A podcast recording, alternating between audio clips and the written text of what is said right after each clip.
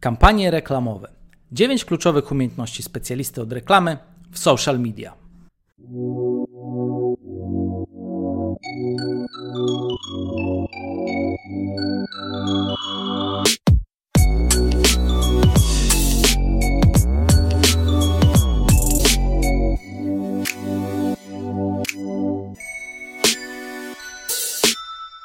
Cześć, witam Was bardzo serdecznie już w 30 odcinku podcastu.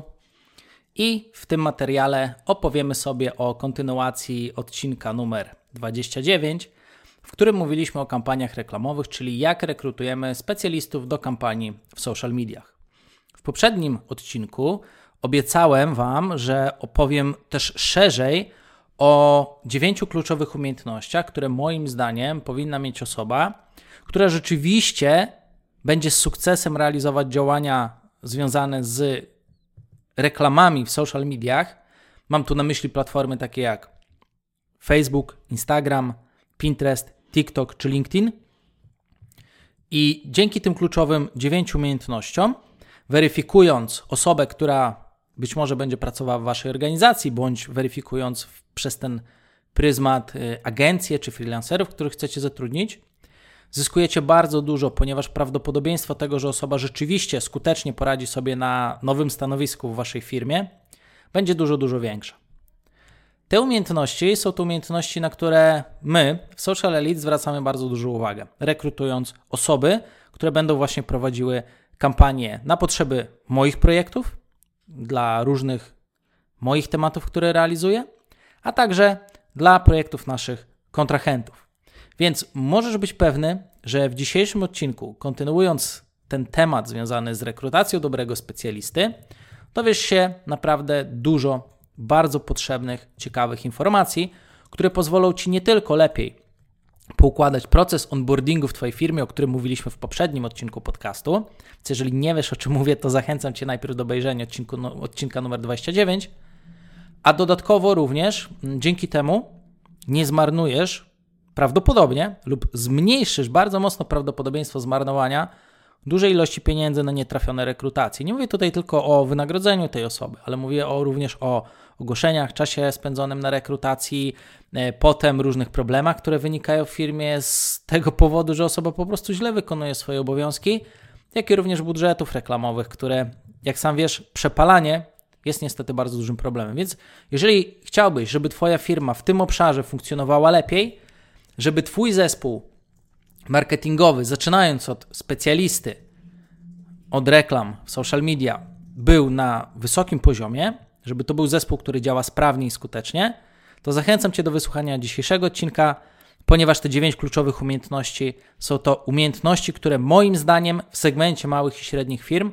znakomicie procentują. Jeżeli znajdziesz osobę właśnie z tymi umiejętnościami, to jest tak, jakbyś znalazł perełkę pośród ameb, które pływają w morzu potrzeb Twojej firmy. Także serdecznie zapraszam Cię do dzisiejszego odcinka, ponieważ będzie on naprawdę bardzo owocny i przyniesie Tobie kilka albo kilkanaście bardzo dobrych pomysłów odnośnie tego, jak przygotować onboarding, jak i również jak przygotować się do rekrutacji, żeby rzeczywiście to mogło wszystko dobrze grać. W takim razie zaczynajmy. Twoja organizacja dorosła do etapu, w którym potrzebujesz specjalisty, który zacznie realizować płatne działania reklamowe w social mediach.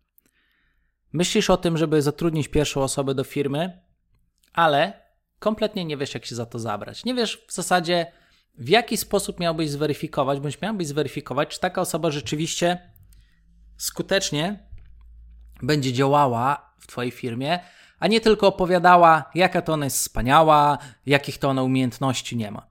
A być może prowadzisz firmę, gdzie już masz stanowisko specjalisty od reklamy w social mediach i akurat trzeba zrekrutować nową osobę, ponieważ poprzednia osoba się nie sprawdziła. Twoja organizacja się sparzyła, zmarnowałeś, zmarnowałaś trochę pieniędzy i myślisz sobie, kurczę, jak podejść do tego dobrze?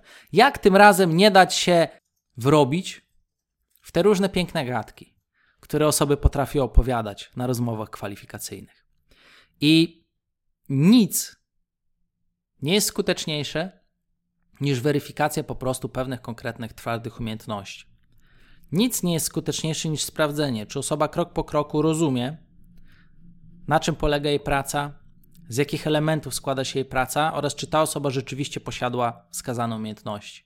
Nie ma nic skuteczniejszego niż posadzenie osoby przed komputerem i poproszenie jej, żeby pokazała kilka ważnych elementów obsługi konta reklamowego, które wynikają z jej praktyki, z jej doświadczenia, dzięki czemu możemy zobaczyć, jaką ta osoba ma wprawę.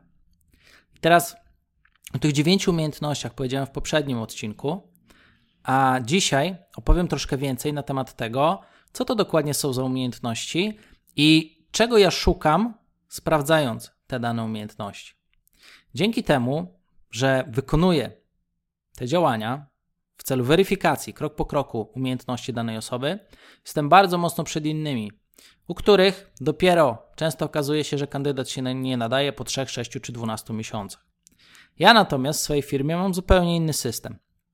U mnie w firmie na początku, jak ustawiam rekrutację na nowym stanowisku, to chcę, żeby osoba była zweryfikowana, czy się nadaje, czy nie maksymalnie po 3 miesiącach. Potem zaczynam to optymalizować i chcę, żeby już po miesiącu próbnym było wiadomo, czy osoba się nadaje, czy nie.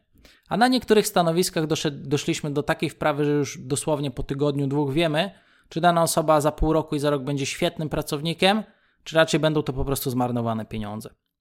I teraz ten proces cały da się przyspieszyć dzięki temu, że bardzo fajnie wokół dziewięciu umiejętności, które za chwilę rozwinę, o których mówiłem w poprzednim odcinku, już na etapie rekrutacji przygotowaliśmy pytania, przygotowaliśmy testy, żeby rzeczywiście taką osobę dobrze weryfikować.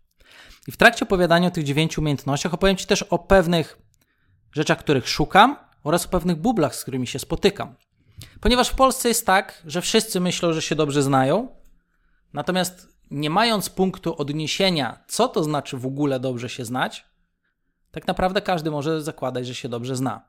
I potem na rekrutację do Twojej firmy trafia pani Kasia która rekrutuje na stanowisko reklamy, ponieważ ona jest specjalistką od Facebooka Instagrama. A kiedy pytasz ją, dobrze, ale dlaczego uważasz, że jesteś dobrą specjalistką? To ona opowiada, że ona od zawsze korzysta z platformy Instagram i Facebook i w zasadzie ona tu już różne funkcje tam zna się swobodnie, po tym porusza i te platformy nie mają już przed nią żadnych tajemnic. Ale kiedy pytasz ją, ok, a czy przygotowywałaś kiedyś strategię reklamową? Czy wiesz, co to jest remarketing? To nagle okazuje się, że ta osoba pierwszy o tym słyszy. Niestety, jeżeli nie zweryfikujemy tych umiejętności, potem takie osoby pracują w naszych organizacjach. Nie wiem jak ty, ale ja raczej nie chciałbym takiej osoby zatrudniać. Dlaczego? Dlatego, że jeżeli mam dać komuś od kilku do kilkudziesięciu tysięcy swoich własnych pieniędzy na budżet reklamowy, jeszcze zapłacić za stanowisko, ZUSy, inne daniny, pamiętajcie, nie są podatki, tylko są daniny u nas, bo my lubimy dużo danin, ale nie lubimy wysokich podatków, to niestety okazuje się, że potem jest to totalnie wtopione. I na końcu jedna osoba powie: OK, nie sprawdziłam się, ale w sumie taka osoba niewiele traci, poza tym, że poszuka sobie nowej pracy. Natomiast takim największym przegranym w tej sytuacji jest szef i szefowa firmy lub menadżer, dyrektor działu marketingu, który nie zrealizował swoich celów i jeszcze wtopił dużą część budżetu, który de facto można było po prostu przeznaczyć na wakacje, na auto, przepić, przebalować, przejeść, przytańczyć, albo po prostu przepalić na nie, nieudaną rekrutację. Oczywiście te środki też można było przeznaczyć na zatrudnienie dobrej osoby, która by zapracowała na rozwój organizacji. Ale myślę, że w przypadku osoby, która się nie sprawdziła, to przepalone pieniądze na kiepską rekrutację są równoznaczne z pieniędzmi, które mogły po prostu zostać przebalowane.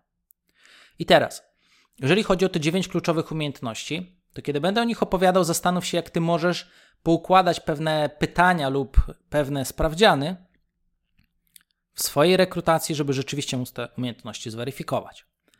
Gdybyś też potrzebował pomocy, odezwij się do nas, do Social Elite lub napisz do mnie przez maila, który cały czas jest podawany w opisach podcastu i będziemy w stanie podszkolić Cię, żeby to rzeczywiście fajnie zrobić. Ok, w takim razie przejdźmy do punktu pierwszego, którym jest korzystanie z zaawansowanego narzędzia do reklam i nazywa się ten, to narzędzie menadżerem reklam. I teraz bardzo istotne jest to, że w menedżerze reklam mamy wiele różnych funkcji. Mamy oczywiście panel, gdzie mamy kampanie, grupy docelowe i reklamy. mamy również całą analitykę.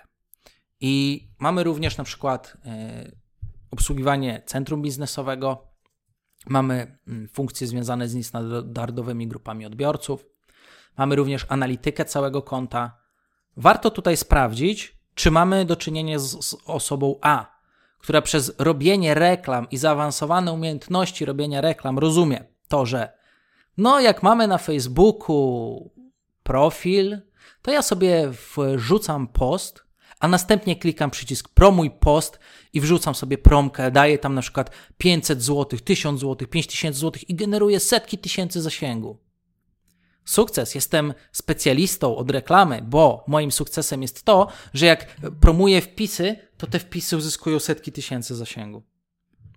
To jest tak, jakbyście powiedzieli, że roznosicie ulotki, one trafiają do skrzynek i to jest wielki sukces, bo wy za to płacicie.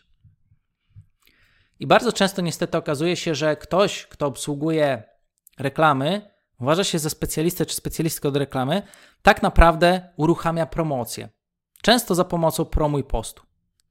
I to jest bardzo niedobra sytuacja. Osoba się nie zna na tym, co robi. Drugim takim case'em, powiedzmy pośrednim, po którym możecie wyłapać, że osoba się totalnie nie zna, jest to, że osoba uruchamia promocję w menedżerze reklam. I ktoś wam od razu mówi, no wchodzę do menedżera reklam, uruchamiam reklamę, która jest y, opublikowana na fanpage'u, nie odróżnia postu od reklamy oczywiście w międzyczasie. Dla tych bardziej zaawansowanych na pewno to wyłapaliście.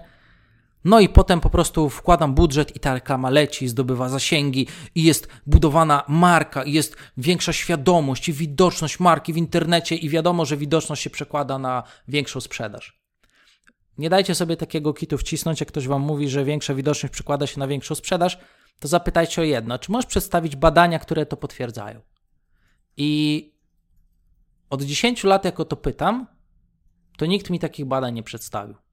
Jak większa widoczność bezpośrednio przekłada się na większą sprzedaż.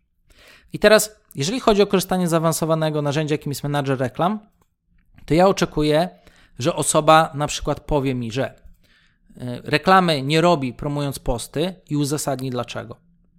Następnie powie, że korzysta na przykład z menadżera reklam i w tym menadżerze reklam po pierwsze, pierwsze co robi, ustawiając na przykład kampanię, to konfiguruje pixel, podpina kody analityczne, ponieważ jest to niezbędne w ogóle do tego, żeby robić sensowną kampanię.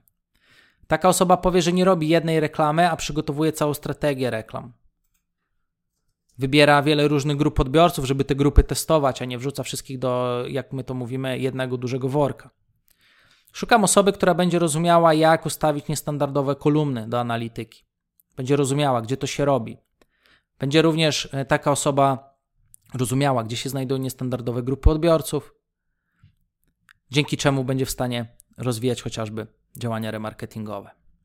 Taka osoba będzie też rozumiała, z jakiej przeglądarki najlepiej używać menedżera reklam i przede wszystkim będzie to osoba, która w tym menedżerze reklam cały czas pracuje. Ponieważ jeżeli nie korzystamy z menedżera reklam, nie mamy go opanowanego w małym paluszku, nie rozumiemy, co się gdzie znajduje, nie umiemy nawet z pamięci o tym opowiedzieć, to się nie znamy. Dlatego ja zawsze mówię dla moich specjalistów, jeżeli rozmawiasz z kimś przez telefon, to masz mu telefonicznie powiedzieć: wejdź tu, kliknij w to, zobaczysz to i to, tam będzie w tym i w tym miejscu taka, taka nazwa, kliknij w nią, wejdź tu, kliknij tam. I wtedy dojdziesz do efektu.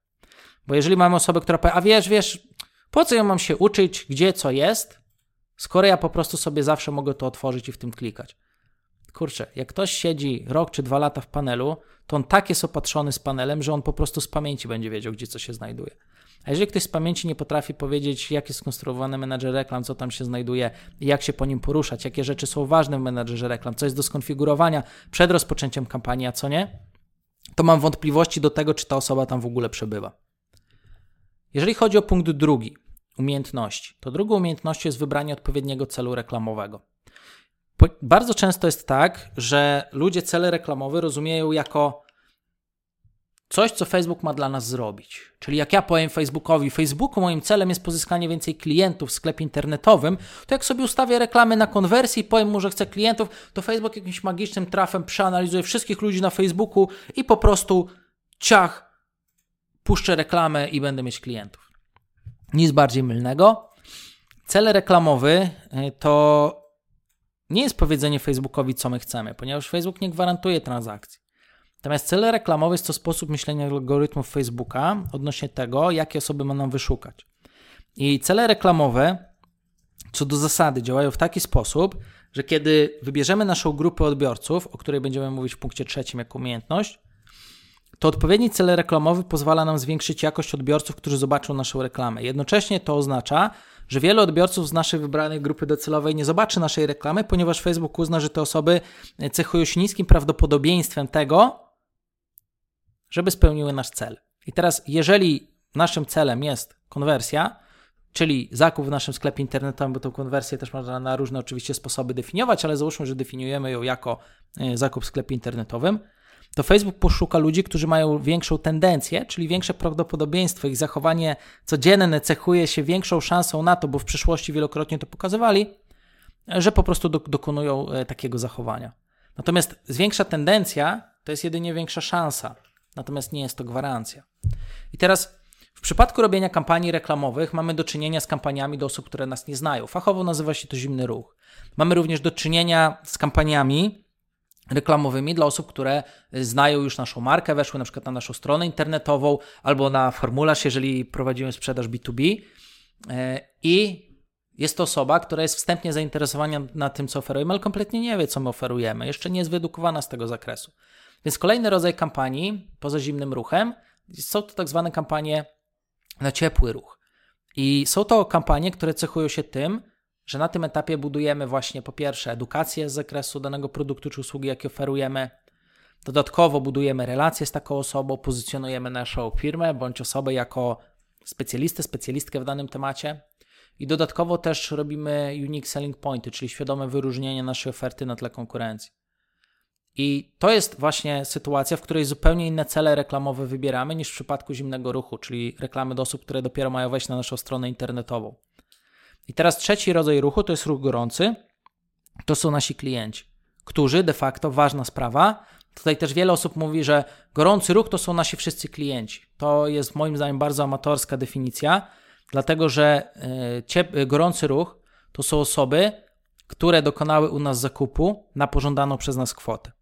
I teraz dla mnie tym gorącym ruchem, czyli tym wartościowym klientem, często, kiedy na przykład doradzamy dla firm, z którymi współpracujemy, to dla, dla na przykład firmy nie będzie, jeżeli docelową ofertą firmy jest na przykład usługa za 5000 zł, to kiedy ta firma sprzeda usługę na 300 zł albo na 500 zł, to ta osoba nie jest gorącym ruchem. To jest osoba ciep ciepłego ruchu, czyli osoba potencjalnie zainteresowana naszą korową ofertą za 5000, ale ona jeszcze nie kupiła tej oferty. I rozróżnienie tego małego elementu stanowi o wysokim profesjonalizmie albo po prostu powiedzmy w miarę średnim zrozumieniu, które na rynku polskim ujdzie. Natomiast myślę, że takich specjalistów nie do, nie, nie do końca poszukujesz. I teraz, jeżeli robimy kampanie reklamowe, to musimy rozumieć, że osoba, która jest na zimnym ruchu, nie zna naszej firmy, nie ufa nam, nie zna naszej oferty, nie zna w ogóle ceny, prawdopodobnie nie kupi. Więc robienie reklam na zimnym ruchu na konwersję, której celem jest zakup, jest co najmniej niepoważne. Oczywiście są pewne drobne wyjątki, jeżeli mamy na przykład już produkt bardzo znany, bardzo pożądany, marka jest bardzo znana, produkt jest pożądany, taki jak iPhone, możemy sobie takie rzeczy pozwolić. Jeżeli mamy produkt masowy, typu jakaś sukienka, która ewidentnie jest na topie w danym sezonie, możemy sobie na takie działania pozwolić, potestować. Natomiast odpowiedź, jaką oczekuję od kandydatów, którzy rzeczywiście się znają, to jeżeli ja powiem, dobrze, jakie cele reklamowe wybierasz dla mojego e-commerce'a? Widzisz, jaki mam sklep, zapoznajesz się z nim, jakie cele reklamowe wybierasz. Tak ktoś powie, no ustawiam reklamę na konwersję jazda, to się nie zna. Ja oczekuję odpowiedzi takiej, w której ktoś mi powie, to zależy. Ja powiem, ok, od czego to zależy? On mi powie, to zależy od tego, z jakimi ludźmi będziemy mieli do czynienia. Muszę zobaczyć analitykę, muszę ocenić, ile ludzi jest na zimnym ruchu w grupach potencjalnych odbiorców, ile ludzi obecnie macie w zasobach remarketingowych na ciepłym ruchu, ile osób na gorącym ruchu. Teraz musimy zdefiniować jeszcze sobie, drogi przyszły pracodawco, co to jest dla nas ten gorący ruch. Czyli jaka to jest wartość, średnia wartość koszyka, na przykład zamówionego przez osobę. Następnie na tej podstawie przygotuję strategię działania. Na podstawie strategii działania przygotuję szereg kampanii reklamowych, bo to nigdy nie jest jedna kampania reklamowa, tylko na koncie reklamowym może jednocześnie chodzić dwie, trzy, pięć kampanii reklamowych, które są uruchamiane na różnym etapie. Zupełnie inne kampanie będą uruchomione na koszyku, a zupełnie inne kampanie będą uruchomione do ludzi, którzy w ogóle nie znają firmy. No i teraz, jeżeli taka osoba mi mówi, No i to zależy teraz od tego, jaką strategię przy, przy, z, zrobimy. No i teraz podam przykład. Załóżmy, że naszą strategią jest ABC, to wtedy na zimnym ruchu, chcąc uzyskać cel wejścia na naszą stronę jak najtaniej od jak najbardziej jakościowej grupy odbiorców, wybiorę cel reklamowy, na przykład ruch, którego celem będzie to, żeby osoba weszła na najbardziej pożądany w tym sezonie produkt i po prostu ten produkt zobaczyła i będziemy wiedzieli, że ta osoba wyjdzie nie dokonując zakupu. Mogę też przetestować wyświetlenie filmu, bo widzę, że macie świetne materiały wideo na Instagramie i na Facebooku i mogę wykorzystać te materiały wideo, żeby zbudować świadomość marki, zbudować zainteresowanie, ciekawość do danego produktu, a dla osób, które obejrzą chociaż 10 sekund filmu, przygotuję kampanie remarketingowe. I swobodne poruszanie się po celach reklamowych w zależności od strategii i konkretnej sytuacji Twojego biznesu mówi o tym, czy dany specjalista posiada kunszt, czy jest po prostu amebą, która klepie cele reklamowe bez tak naprawdę głębszej wiedzy na ich temat, bo po prostu przeczytała sobie kilka wpisów blogowych na internecie. Kolejną, trzecią umiejętnością, której poszukuję, to jest wyszukanie odpowiedniej grupy odbiorców. I ja tutaj zawsze mówię, mm, doradzając różnym firmom, że wyszukanie odpowiedniej grupy odbiorców jest kluczowe do sukcesu. Ponieważ jeżeli chcesz pozyskać milion dotacji lub szukasz partnera biznesowego, to nie pójdziesz do przedszkola i nie będziesz rozmawiał z dzieciakami, bo to nie jest to miejsce. I tak samo jest tutaj, że w Polsce bardzo często specjaliści kompletnie nie wiedzą, jak mają ustawiać grupy targetowe. Bardzo często jest tak, że grupy targetowe są ustawiane po prostu cała Polska i niech mi już Facebook znajdzie moich potencjalnych klientów. I owszem, takie podejście czasami działa i Facebook czasami się nauczy. Natomiast problem jest taki, że jeżeli w ten sposób będziemy robić kampanie reklamowe, to nie dojdziemy do najbardziej wydajnego sposobu prowadzenia kampanii reklamowych, przez co albo stracimy pieniądze, bo wydamy więcej po prostu na reklamę, pozyskamy klientów drożej, albo po prostu kupimy dużo pustych wyświetleń i nie do końca będziemy mogli ugrać to, co jest możliwe do ugrania. I teraz, jeżeli słyszycie takie gadania, właśnie, że no, puśćmy sobie kampanię reklamową na całą Polskę, bo jak ja ustawiałem grupy targetowe, już trzy pomysły przetestowałem i one gorzej wyszły, to to nie oznacza, że ustawianie wąskich grup targetowych, bardzo precyzyjnych, jest złe. Tylko to po prostu oznacza, że ktoś nie umie tych grup ustawić. Ja, robiąc już od 15 lat reklamę na Facebooku, wiem, że jeżeli wybierzemy ogólne grupy targetowe na milion, dwa albo całą Polskę, te dwadzieścia kilka milionów, które są teraz dostępne w zasobach, a ustawimy rzeczywiście precyzyjne grupy odbiorców i metodą eliminacji zostawimy te, które działają najlepiej, wyeliminujemy te, które nie działają, to w konsekwencji dojdziemy do po prostu bardziej wydajnych wyników. No i teraz, ponieważ w wyszukiwarce grup targetowych można wpisać ponad 50 tysięcy różnych możliwości, to jest bardzo duża szansa, że osoba, która wpisywała te 3, 5, 10 pomysłów, po prostu wyszukała głupie pomysły. No i teraz, przede wszystkim, w przypadku wyszukania odpowiedniej grupy odbiorców, poszukuję osoby, która A. wie dokładnie, jak działa ta wyszukajka, wie, w jaki sposób, wpisując w odpowiednie pole, działa funkcja logiczna lub, działa funkcja logiczna i oraz działa funkcja logiczna wyklucz. Poszukuję osoby, która potrafi dobrać odpowiednią grupę odbiorców do budżetu reklamowego, bo pamiętajcie, to jak duża grupa odbiorców jest, powinno przede wszystkim zależeć od tego, jakimi finansami dysponujecie. Bo jeżeli od razu ustawiamy wielką grupę, a mamy niewielki budżet, to bardzo często jest tak, że zanim algorytmy Facebooka się nauczą, to skończą się pieniądze. Bardzo często się tak mówi, ustawmy całą Polskę, bo algorytmy Facebooka są tak mądre, że się nauczą, kto jest naszym klientem. Tylko w praktyce bardzo często się okazuje, że na małych budżetach szybciej się pieniądze kończą niż się Facebook nauczy. Więc słuchanie takiej porady jako dogmat jest co najmniej nierozsądne. I teraz, oprócz właśnie tych informacji, o których powiedziałem, tak, to wyszukanie odpowiedniej grupy odbiorców powinno przede wszystkim zaczynać się od researchu rynkowego. Ponieważ to research rynkowy, stworzenie brand person będzie decydował o tym, w jakim kierunku poszukujemy w ogóle grup odbiorców.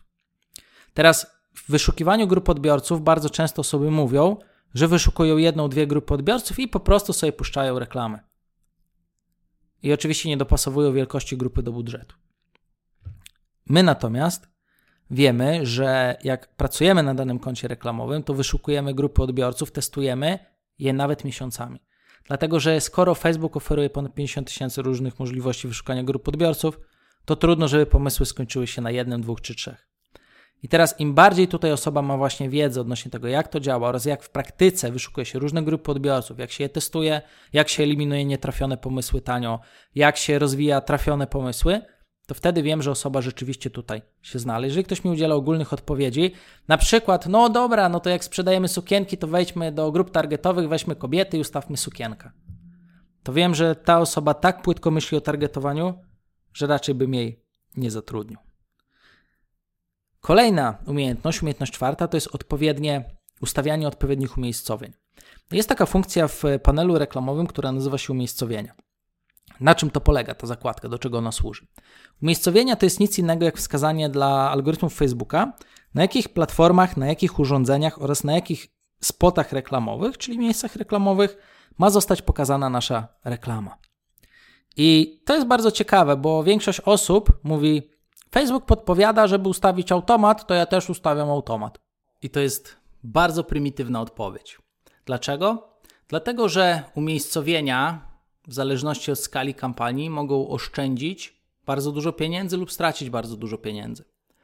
Umiejscowienia w zależności od skali, odpowiednio wybrane, mogą sprawić, że wydamy mniej budżetu i pozyskamy więcej klientów, albo wydamy tyle samo budżetu, co w przypadku źle ustawionych umiejscowień, na przykład automatem, i na przykład pozyskamy 2-3 razy więcej konwersji. I teraz umiejscowienia i ich odpowiedni wybór zależy przede wszystkim od tego, z jak dużą grupą mamy do czynienia. Jeżeli mamy małe grupy, na przykład na remarketingu, albo na grupie naszych klientów, albo na odzyskiwaniu koszyków, gdzie te grupy liczone są w setkach bądź w tysiącach osób, to wtedy ustawienie umiejscowień automatycznych jest w porządku. Ponieważ nawet jeżeli stracimy na wydajności kampanii, zapłacimy połowę więcej, to to nie ma problemu. Ale jeżeli mamy grupy, gdzie robimy potem już reklamy przy rozkręconych przykład kampaniach i mamy grupy na setki tysięcy osób, albo kupujemy miliony wyświetleń, bo też tak bywa w przypadku pewnych kampanii, to niepilnowanie umiejscowień może przepalić naprawdę dużo pieniędzy i sprawić, że nasz efekt końcowy będzie niesatysfakcjonujący. Więc przede wszystkim, jeżeli chodzi o umiejscowienia, to ja poszukuję osoby, która mi wytłumaczy, od czego zależy, czy ustawiamy automat, czy raczej wybieramy umiejscowienie intencjonalnie. Poszukuję osoby, która będzie rozumiała, że na przykład na zimnym ruchu chcemy pozyskać jak najlepszej jakości osoby jak najtaniej. Więc będziemy wybierać te umiejscowienia, które charakteryzują się po pierwsze dobrym stosunkiem ceny do ilości kliknięć. Będziemy wybierać też te umiejscowienia, które są skuteczniejsze. I jeżeli chodzi o umiejscowienia, to generalnie umiejscowienia różnią się od siebie po pierwsze miejscem, w którym jest wyświetlana reklama. Może to być Facebook, Instagram, Stories, y, aktualności, prawa kolumna, marketplace itd. Tak Ale również różnią się formatem reklamowym. No i teraz format reklamowy może być pionowy. Na przykład jeżeli puszczamy reklamę na smartfony w Stories, albo może być kwadratowy lub poziomy. I teraz jeżeli wybieramy automat i automat tnie reklamę na poziom do Instagram Stories, gdzie mamy cały ekran i e, najlepiej zrobić reklamę pionową, to niestety, ale tracimy bardzo dużo ze skuteczności. Często takie reklamy są po prostu 2-3 razy gorzej klikane. Czyli możemy wydać na reklamę 1000 zł i uzyskać klików X, albo wydać 2-3 tysiące złotych i też uzyskać ilość klików X. Kolejną rzeczą jest to, że umiejscowienia różnią się ceną. Różne umiejscowienia mają różną cenę za 1000 wyświetleń. I kolejną kwestią jest to, że umiejscowienia również różnią się skutecznością ponieważ w jednym umiejscowieniu na przykład jestem w stanie pozyskać przy 1000 wyświetleń na przykład 20-40 klików, podczas gdy przy innym umiejscowieniu, przy 1000 wyświetleń tych klików pozyskam 4, 5, 8. No i teraz pytanie, co bym wolał wybrać? Czy wolał wybrać automat i wyświetlać na przykład 30% mojego budżetu w miejscach, gdzie wyświetlam reklamę, ale pozyskuję mało klików słabej jakości? Czy wolałbym wybrać miejsce, które też mi dotrze do tej samej osoby, ale przy tysiącu wyświetleń zapłacę stosunkowo mniej albo nieco więcej, natomiast przełoży się to na taką ilość kliknięć, która wygeneruje mi na przykład 3, 4, 8, 10 razy więcej wejść za tą samą ilość wyświetleń. Więc jak widzicie przy umiejscowieniach, zrozumienie dobrze umiejscowień, zrozumienie na jakim etapie używamy tych umiejscowień oraz Czym się to umiejscowienie od siebie różni podejmowanie tutaj decyzji rzeczywiście spójnych, ze strategią bazujących na różnych tych elementach, no to stanowi bardzo dużą różnicę. Natomiast jeżeli ktoś mi mówi, no jak robię reklamy na Facebooku, to wybieram sobie Facebooka. Jak robię reklamy na Stories, to wybieram sobie Stories, ale w sumie to można je wszystkie mieszać, bo Facebook sobie sam to wszystko ładnie potnie i naprawdę będzie to super grało. Natomiast jeżeli ktoś weźmie kalkulator i umie liczyć, to takich głupot nie będzie Ci opowiadał. Umiejętność numer 5 to jest utworzenie atrakcyjnej serii reklam. Przede wszystkim, jeżeli jakiś kandydat czy kandydatka mówi mi, że ona odpala promkę i robi reklamę, i potem sobie ta reklama leci, zdobywa wyświetlenia, i ktoś myśli o jednej albo dwóch reklamach, to to jest bardzo fatalne podejście. Drugim równie fatalnym podejściem jest sytuacja, kiedy ktoś mówi: No, ja to robię tak. Robię 10 reklam, puszczam te 10 reklam i następnie z tych 10 reklam optymalizuję, wybieram dwie najlepsze i one idą. A ja wtedy zawsze zadaję pytania: co jeżeli te dwie, które idą, się dla odbiorców nie podobają lub nie mają szansy zarobić z punktu widzenia biznesu? Co wtedy? Eee, e, e, e, I teraz najważniejsze jest to, że tak naprawdę, jak się prowadzi kampanie reklamowe, nie można z góry założyć, ile się zrobi reklam. Ponieważ praca nad kontem reklamowym, nad reklamami, tutaj mówię stricte o reklamach, o kreacjach reklamowych, czyli teksty i grafiki, ma polegać na tym, że szukamy takiej konfiguracji grafiki i tekstu, w zależności oczywiście od etapu kampanii i grupy, który sprawi, że osoba, która widzi reklamę, zatrzyma się na Facebooku i powie: O kurczę, ale to jest fajne, zainteresuje się tym. Albo na przykład, jeżeli mamy na koszyku osobę, która puściła koszyk, ktoś czyta koszyk, mówi: Jednak warto tej firmie zaufać, to jest warte swojej ceny. Więc teraz zauważcie, że tutaj przede wszystkim trzeba rozumieć, jak się robi serię reklam. Jak te serie reklam wpływają na odbiorców, ale najważniejsze jest to, że trzeba nie tylko robić reklamy według jakiegoś szablonika, tylko trzeba rozumieć, jak obraz psychologicznie wpływa na odbiorcę. I trzeba też rozumieć, że jeżeli odbiorca przeczytał już dwie reklamy, to jaki hak psychologiczny zaserwujemy w trzeciej reklamie, żeby się nie powtarzać oraz żeby metodą wnioskowania z cyfr zobaczyć, które obrazy, w jaki sposób skonfigurowane, z jakimi tekstami sprawiają, że odbiorca nam wierzy. Bo nie chodzi o to, żeby napisać tekst piosenki. Pozobaczcie, mamy setki milionów piosenek, może miliardy piosenek już w tym momencie, o których istnieniu nawet nie wiemy. I co z tego, że ktoś je napisał? Podczas gdy znamy setki hitów, które zapadły w naszą pamięć i słuchamy ich od długiego, długiego czasu. I w przypadku tworzenia reklam jest to również skomplikowane, żeby dobrze robić reklamy, żeby rozumieć cel, jaki robimy na odbiorcy, żeby rozumieć haki psychologiczne, żeby rozumieć i świadomie stosować chociażby techniki copywritingu, żeby również umieć z researchu rynkowego wnioskować, co powinno się znaleźć w danych kreacjach reklamowych, i potem, jeżeli mamy te kreacje reklamowe stworzone, to żeby umieć też odczytać zachowanie rynku i podjąć decyzję, czy te kreacje reklamowe zmieniamy oraz w jakim kierunku.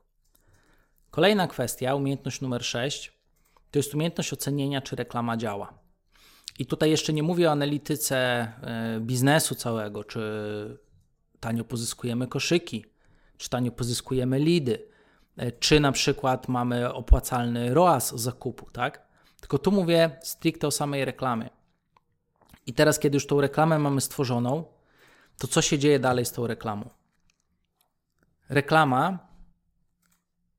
jest, następuje emisja reklamy w sieć reklamową w tych umiejscowieniach z tym celem, który sobie ustawiliśmy.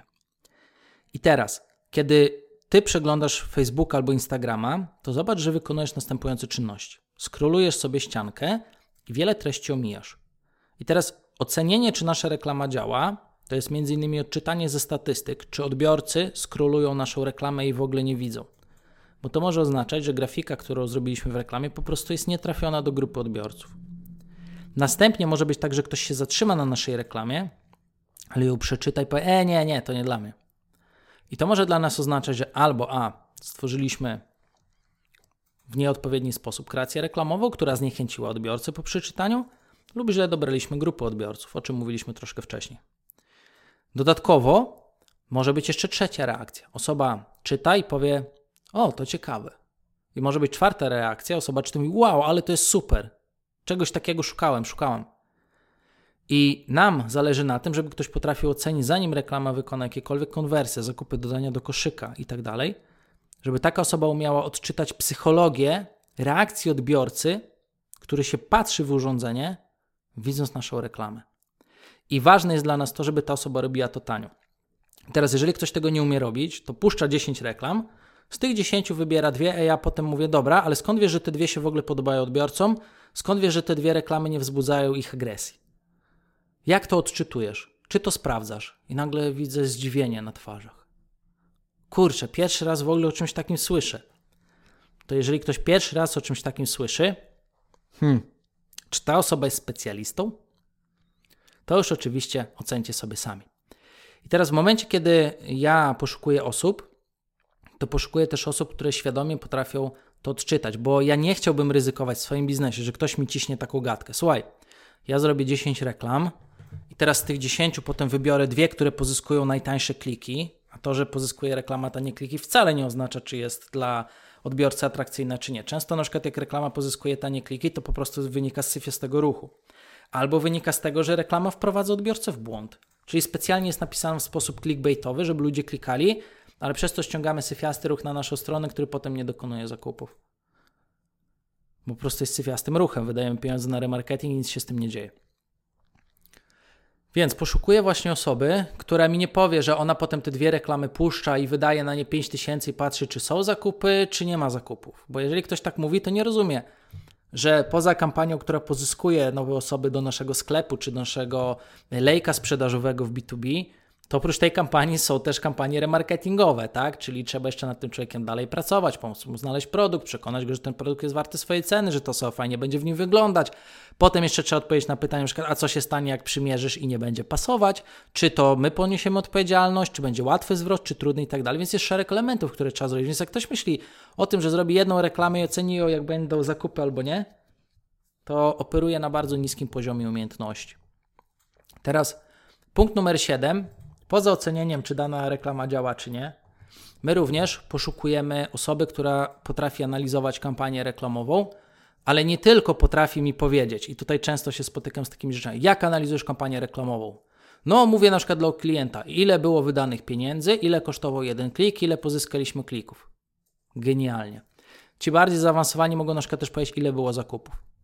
Ale co moi drodzy, w sytuacji, kiedy mamy jedną kampanię, która pozyskuje nam ruch na stronę i generuje bardzo nieopłacalne zakupy, ma zwrot z inwestycji na poziomie pół, czyli wydajemy 1000 zł, zwraca nam się 500, ale dostarcza bardzo dobrej jakości ruch i kiedy osoby wpadają do drugiej kampanii remarketingowej, to ta kampania już ma ROAS 25 i wydajemy 500 zł na reklamę, a mamy zwrotu y, na poziomie 12 500 zł, licząc na szybko i mówiąc do Was i układając sobie jeszcze to, co za chwilę powiem. I teraz ktoś może powiedzieć, do, to ta druga kampania działa dobrze, a ta pierwsza działa słabo, bo są nieopłacalne zakupy. No tak, tylko gdyby nie ta pierwsza kampania, nie byłoby tej drugiej kampanii. Więc patrzenie tylko i wyłącznie na te bardzo prymitywne oceny kampanii, nie jesteśmy w stanie rzeczywiście ocenić, czy nasz biznes działa dobrze, czy nie. I trzeba wyjść tutaj trochę dalej. Bo zobaczcie, co z tego dla klienta, że on wie, że pozyskał tysiąc klików na stronę po złoty 50 za, za klika albo po 25 groszy za klika. Co mu z tego? Mało tego, często klik za 25 groszy jest klikiem drogim, a klik za złotówkę jest bardzo tanim, ponieważ ten klik za złotówkę przekłada się na dobrej jakości klienta, a ten za 25 groszy często niekoniecznie. No i teraz całe clue polega na tym, że jeżeli patrzymy na kampanię reklamową, to chcemy nie tylko brać pod uwagę te elementy z kampanii reklamowej, o których powiedziałem, ale też chcemy brać pod uwagę cały biznes, czyli proces marketingu i sprzedaży, ponieważ dla wielu przedsiębiorców kampania działa, kiedy wszystkie działania na koncie reklamowym, które robimy, przekładają się na sprzedaż.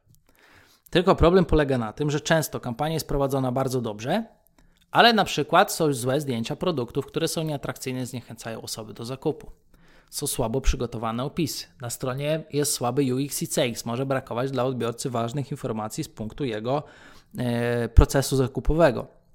Mogą na koszyku być błędy, których firma nie bierze pod uwagę, które sprawiają, że mimo tego, że osoba jest bardzo zainteresowana, dzięki temu, że kampania reklamowa dała szansę tej osobie zainteresować się danym produktem czy usługą, to ta osoba finalnie decyduje się zrezygnować, ponieważ coś w biznesie poza kampanią reklamową się korkuje.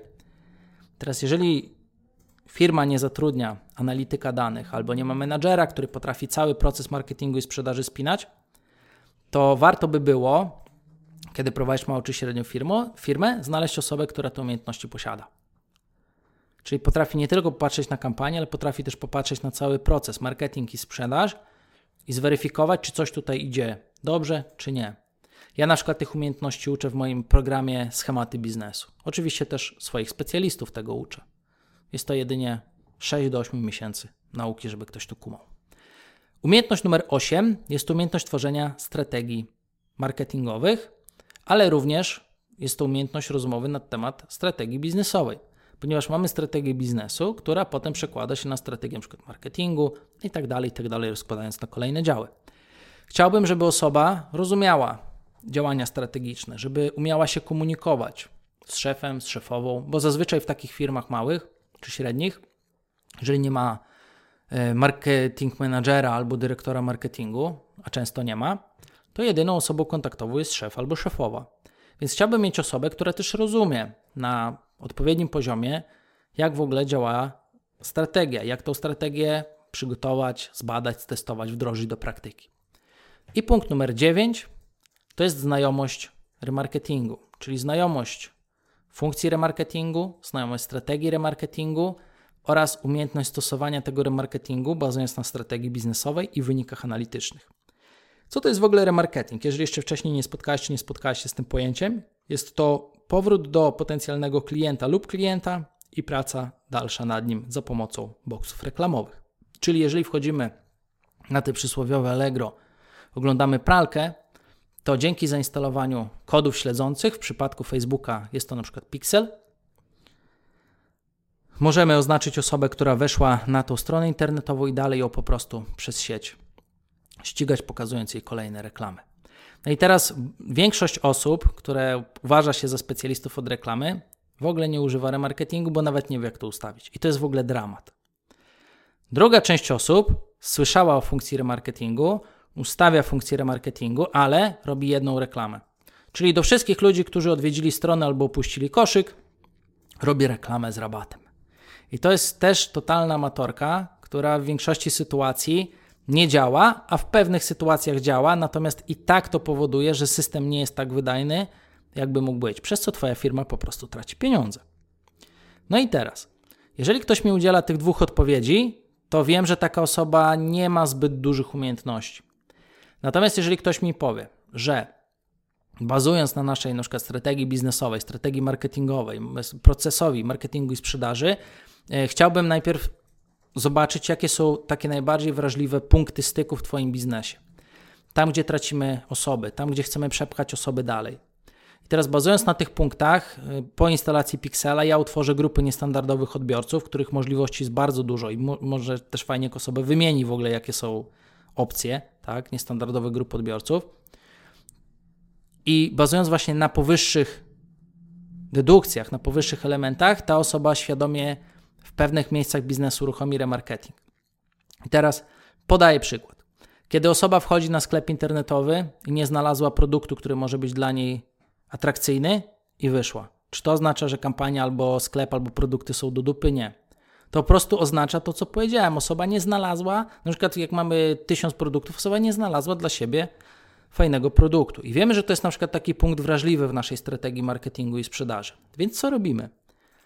W tym miejscu dla takich osób tworzymy specjalną kampanię remarketingową, której celem jest to, żeby taka osoba znalazła atrakcyjny dla niej produkt. Więc świetnie się tu sprawdzają na przykład reklamy dynamiczne, które odpowiednio skonfigurowane uczą się tego, jakie predyspozycje ma potencjalny odbiorca i po prostu podsuwa różne produkty z naszego sklepu.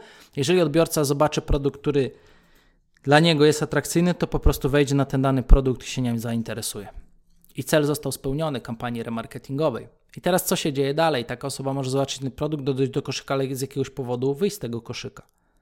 Czy to oznacza, że osoba nie jest zainteresowana produktem? Pewnie, że nie. To może oznaczać dużo więcej. To może oznaczać na przykład, że a. Osoba nie dostała ważnych informacji z jej punktu widzenia, przykład dotyczącego wyboru rozmiaru, terminu realizacji zamówienia, Często jest tak, że osoby nie piszą, e, jaki jest koszt zamówienia, więc ktoś wchodzi do, na karcie produktu, więc ktoś wchodzi do koszyka, żeby tylko zobaczyć, czy koszt zamówienia jest dobry. Jeżeli koszt zamówienia jest nieatrakcyjny, kurier jest 2 zł za drogi, to ktoś ci po prostu produktu nie kupi. Jest oczywiście tych elementów dużo więcej. Może być brak zaufania do marki, może być brak zbudowania wartości produktu, e, może być tak, że produkt jest bardzo łatwy do znalezienia u konkurencji taniej i tak dalej, i tak dalej. Tych powodów jest w samym koszyku, jest kilkanaście powodów, dla których ktoś może opuścić koszyk.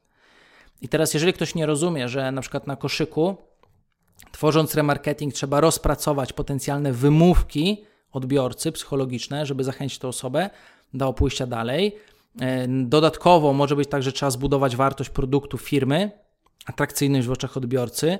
Może być też tak, że brakuje odbiorcy informacji, więc na remarketingu musimy utworzyć reklamy, które uzupełniają te informacje, że ktoś sobie przeczyta te reklamy, to wie, a kurde, tej informacji mi zabrakło, dobra, kupuję. No i oczywiście może być też tak, że osoba z czynnika losowego zapomniała kupić, ktoś się zagadał, nie miała teraz pieniędzy, e, była teraz w miejscu publicznym, nie chciała logować się do banku i tak dalej, i tak. Są różne powody, więc my musimy ten produkt zdiagnozować, wybrać odpowiednią strategię remarketingową i ułożyć odpowiednią serię reklam. Więc jak widzisz, remarketing z pozoru wydaje się prosty. Dajmy rabat, puśćmy reklamę do wszystkich albo odzyskujmy koszyki, ale w praktyce, jeżeli ktoś się rzeczywiście dobrze zna, rzeczywiście zrozumie to głębsze dno i wiele różnych drobnych wariantów zastosowania. Jak widzisz, te dziewięć umiejętności można posiadać na bardzo niskim poziomie, żenująco niskim, prymitywnym poziomie. Te umiejętności można posiadać na poziomie średnim, amatorskim, gdzie ktoś niby coś wie, może cię oczarować, ale tak naprawdę to, co będzie robił, to będzie zbyt niska jakość działań, przez co i tak będzie do dupy. Ale może być też tak, że ktoś rzeczywiście rozumie te wszystkie małe niuansiki, a dzięki tym małym niuansom, inwestując coraz większe środki w Twojej firmie na reklamę, uzyskuje najlepszy stosunek konwersji, przychodów i jak najniższych kosztów. I to jest właśnie ta różnica, że może ktoś grać na gitarze albo na pianinku w laskotek na płotek, a ktoś może grać Chopina. I gra w laskotek na płotek, a gra Chopina, to jest zupełnie inny poziom. I teraz co jest istotne, że większość ludzi nie gra w ogóle. Niektórzy grają w laskotek na płotek i my rekrutując taką osobę czujemy się jakbyśmy chwycili Boga za nogi. Podczas gdy tak naprawdę okazuje się, że w praktyce potrzebujesz ludzi, którzy potrafią grać Chopina. Bo tylko dzięki temu będziesz w stanie zrobić działania lepiej od konkurencji, taniej od konkurencji, skutecznie od konkurencji i z nimi wygrywać. I mam nadzieję, że właśnie te dziewięć umiejętności zainspiruje Cię do tego, żeby sobie przygotować kilka pytań, być może samodzielnie douczyć siebie, czy działu rekrutacji w Twojej firmie, czy specjalistów, którzy weryfikują umiejętności i że rzeczywiście zaczniesz te umiejętności sprawdzać. I teraz może się okazać, że zatrudnisz kogoś, kto ma zero umiejętności. Może się okazać, że ktoś będzie miał 4 na 9 umiejętności i to też jest super, bo jeżeli zdecydujesz się taką osobę zatrudnić, to wiesz, czego tą osobę możesz szybko douczyć, żeby ta osoba naprawdę fajnie grała w Twoim biznesie. No i oczywiście im więcej umiejętności posiada dana osoba, tym mniej umiejętności trzeba ją douczyć. I co więcej, teraz rekrutując na przykład osobę, kiedy już masz za sobą nietrafione rekrutacje, zastanów się, czy taka, ta osoba, którą rekrutowałeś, miała te umiejętności, czy jej się wydawało, że ona ma te umiejętności. I dzięki temu, stosując to w praktyce w sposób świadomy, będziesz w stanie rzeczywiście dojść tutaj do bardzo e, fajnych rezultatów, czego Ci oczywiście serdecznie życzę. Jeżeli potrzebowałbyś pomocy w poukładaniu tego, możesz się do nas jak najbardziej odezwać. Możemy przeszkolić Ciebie, osobę z Twojej firmy, lub możemy pomóc Ci poukładać tutaj krok po kroku mm, te elementy, tak aby ta rekrutacja rzeczywiście przychodziła dla Ciebie sprawnie. To powiedziawszy, dziękuję Ci serdecznie za wysłuchanie dzisiejszego odcinka i słyszymy się y, w kolejnym odcinku. Mam nadzieję, że już zauważyłeś bądź zauważyłaś od ostatniego odcinka. Doszło do małej zmiany. Teraz odcinki wychodzą w sobotę, a nie w poniedziałki. E, I myślę, że ta sobota będzie dla Was świetnym terminem, ponieważ możecie w sobotę czy w niedzielę na spokojnie przed kolejnym tygodniem nabrać głowę pełną pomysłów, iść realizować kolejne cele w Waszych organizacjach, czego oczywiście Wam serdecznie życzę. Dobrze, w takim razie trzymajcie się i do usłyszenia w kolejnym odcinku.